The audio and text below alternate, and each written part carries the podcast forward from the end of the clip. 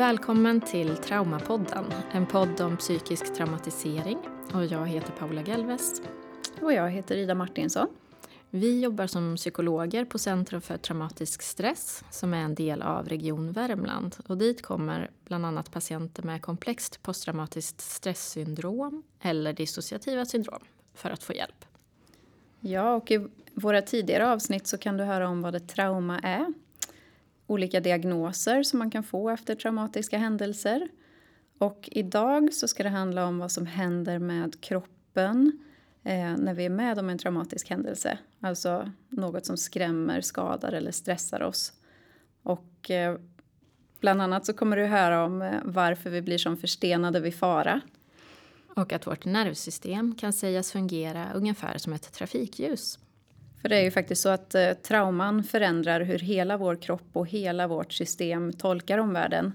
Ehm, så efter en traumatisk händelse, eller flera traumatiska händelser, så kan man reagera och bete sig helt annorlunda mot tidigare. Något som är väldigt vanligt är att man är mer lättskrämd, att man hela tiden är på helspänn och skannar omgivningen efter hot och faror.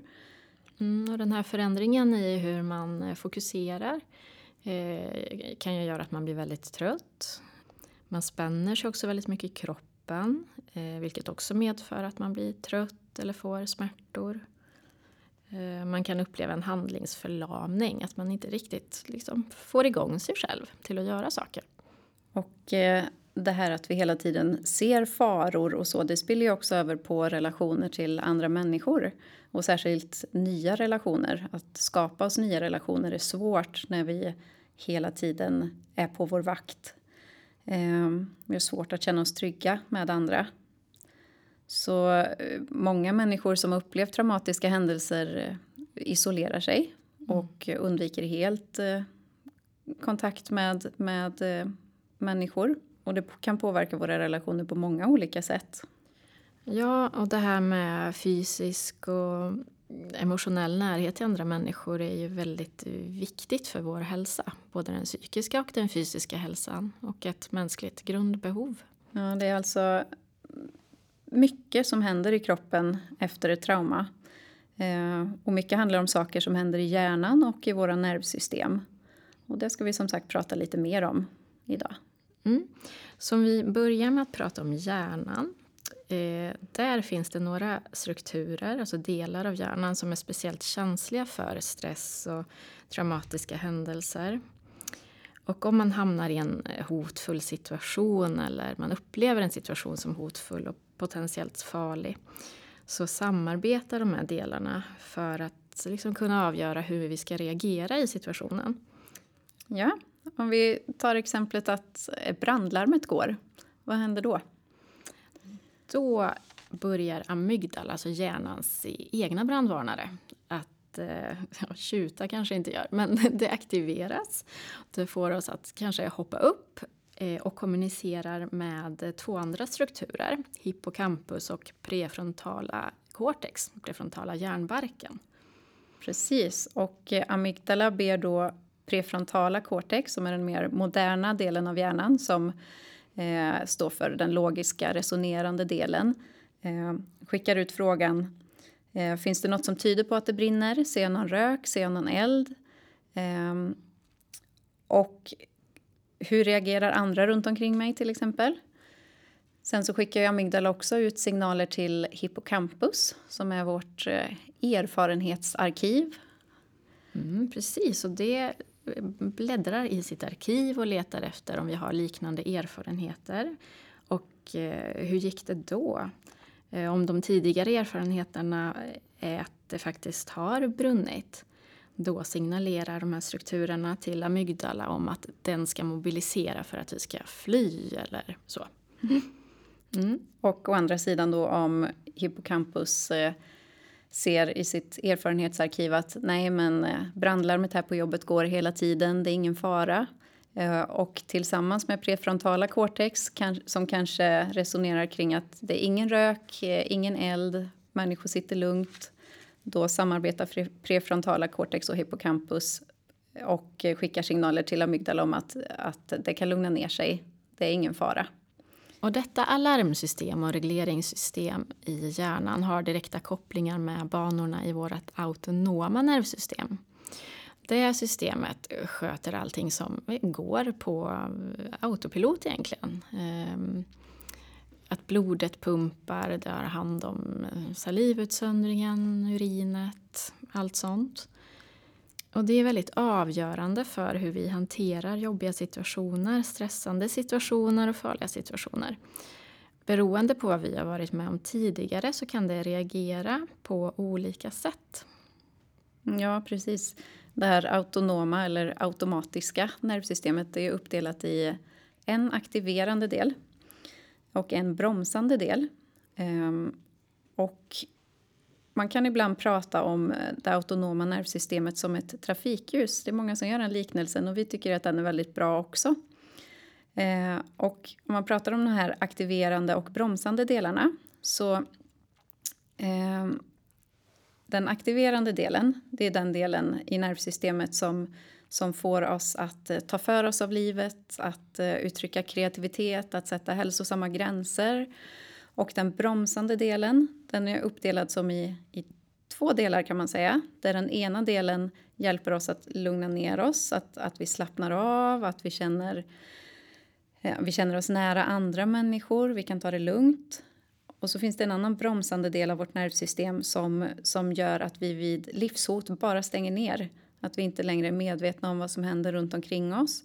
Vårt hjärta fortsätter att slå och eh, våra lungor andas men i övrigt så är vi inte eh, närvarande. Och det är alltså de här olika stegen i nervsystemet som man kan likna vid ett trafikljus. Eh, när det är grönt ljus så är vi avslappnade, glada, lugna, vi är nöjda med livet. Mm, och, och, kroppens funktioner fungerar väldigt bra. Hjärtat slår lugnare, matsmältningen är igång.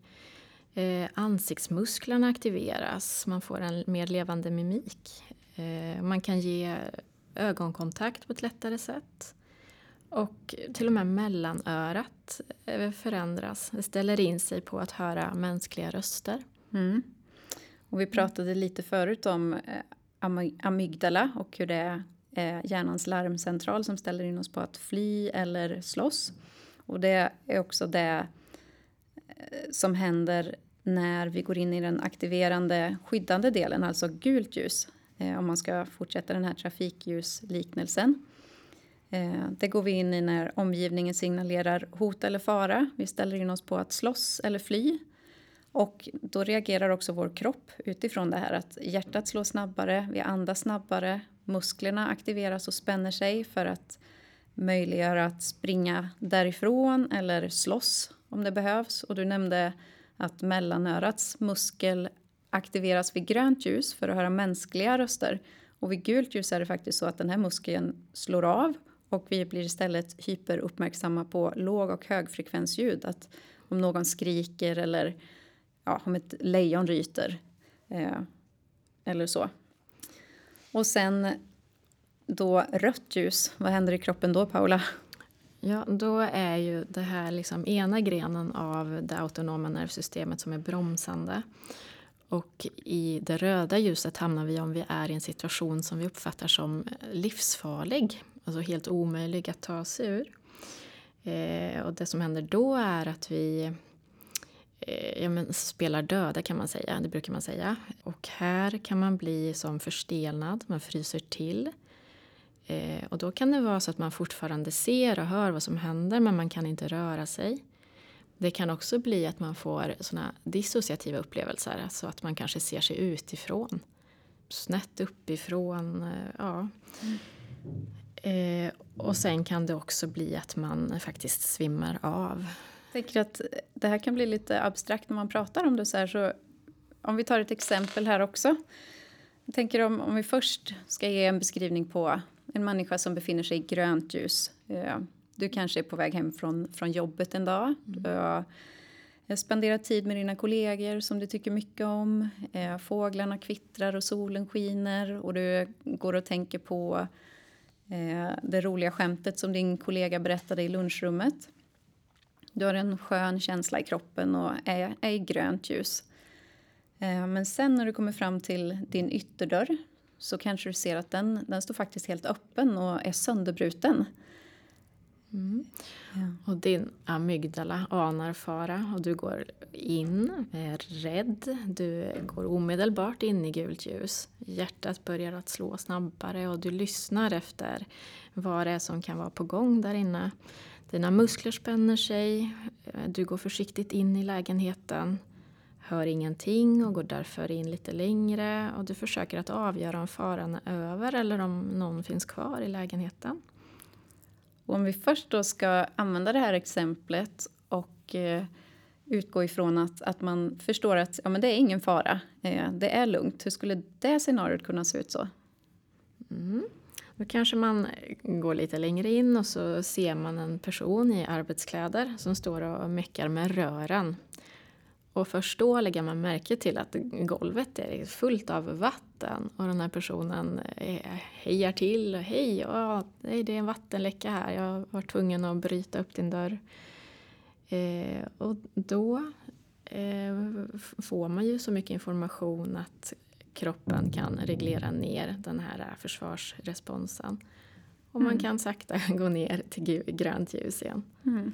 Du lugnar dig och, och, kan andas ut. Det var ingen fara.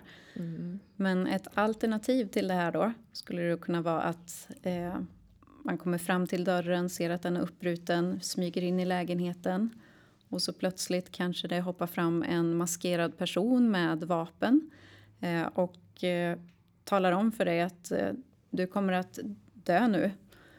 Eh, och här är det väldigt stor risk att du då går in i rött ljus, att hela ditt system fryser till och stänger av. Eh, du överväldigas och du tolkar in att, att eh, nu är det livshot.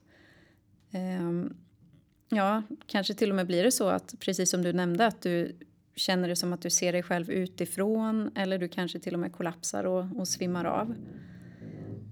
Så om man inte har hamnat i rött ljus någon gång i livet så är det väldigt lätt att tro att, att det är väl bara att fly när det händer farliga situationer.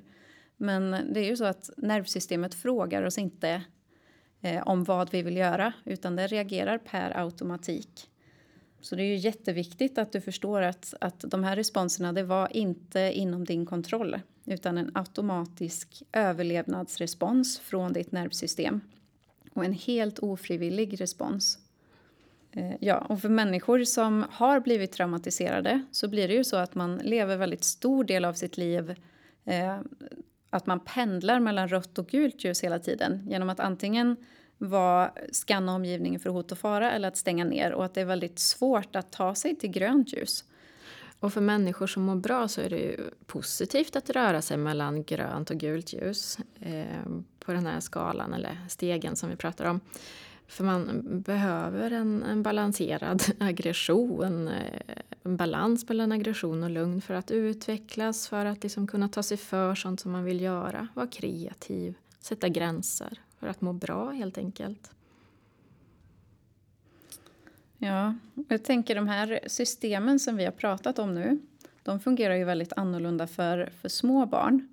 För det är ju så att små barn har bara förmågan att antingen stänga ner helt, alltså, alltså rött ljus, eller att bli omhändertagna, att andra hjälper en till grönt ljus. Ehm, de har ett jättekänsligt alarmsystem och det, det är viktigt att barn får hjälp att försöka reglera sina känslor. Och beroende på vad man får för hjälp när man är väldigt liten så kommer de här förbindelserna mellan systemen och stegen på den här eh, stegen mellan trafikljusen kommer att bli olika stora. Eh, så för varje gång som ett litet barn får hjälp att reglera sina känslor så kommer de att bli bättre rustade att längre fram reglera sig själva. Ja, så goda erfarenheter av omsorg påverkar då samma nervsystem som blir påverkat av trauma, fast med motsatt effekt. Ehm, och om vi får hjälp med att reglera vårt Eh, nervsystem så kommer vi ju eh, utveckla en förmåga till att lugna oss själva och hantera svåra situationer på ett, ett bra sätt. Ehm, I tidigare avsnitt har vi pratat om det här med dubbeltraumatisering. Alltså när man blir utsatt för någonting av en person som egentligen ska vårda och ta hand om dig. Eh, den dubbla traumatiseringen uppstår ju dels i, i övergreppet eh, dels i att den här personen eh, bryter mot eh, lojalitet och, och relationen. Eh, men sen också att, att den inte tar hand om, om känslorna. Eh, hjälper inte barnet att förstå eh, vad det är som händer. Eh, mm. Och när ett barn har det så här så kommer det att utveckla ett, ett hyperkänsligt alarmsystem. Eh, alltså barnet kommer läsa in faror eh, i många mm. situationer. Väldigt starka känslor. Ja, mm. precis. Nu har vi ju pratat massor om det autonoma nervsystemet och hur det styr oss oavsett vår egen vilja. Men det finns ju en sak som vi ändå kan kontrollera som påverkar vårt nervsystem och det är andningen. Vi kommer ju prata mer om andning och andra sätt som kan hjälpa dig själv när du har upplevt ett trauma i vårt nästa avsnitt. Men jag tror vi avslutar så idag. Det här var avsnitt tre av Traumapodden från Region Värmland. Vi som pratar heter Ida Martinsson. Och Paula Gelves. Och kom ihåg att du hittar mer om trauman och PTSD på webbplatsen 1177.se. Och där hittar du även kontaktuppgifter så att du kan söka hjälp. Tack för att du har lyssnat. Hej då!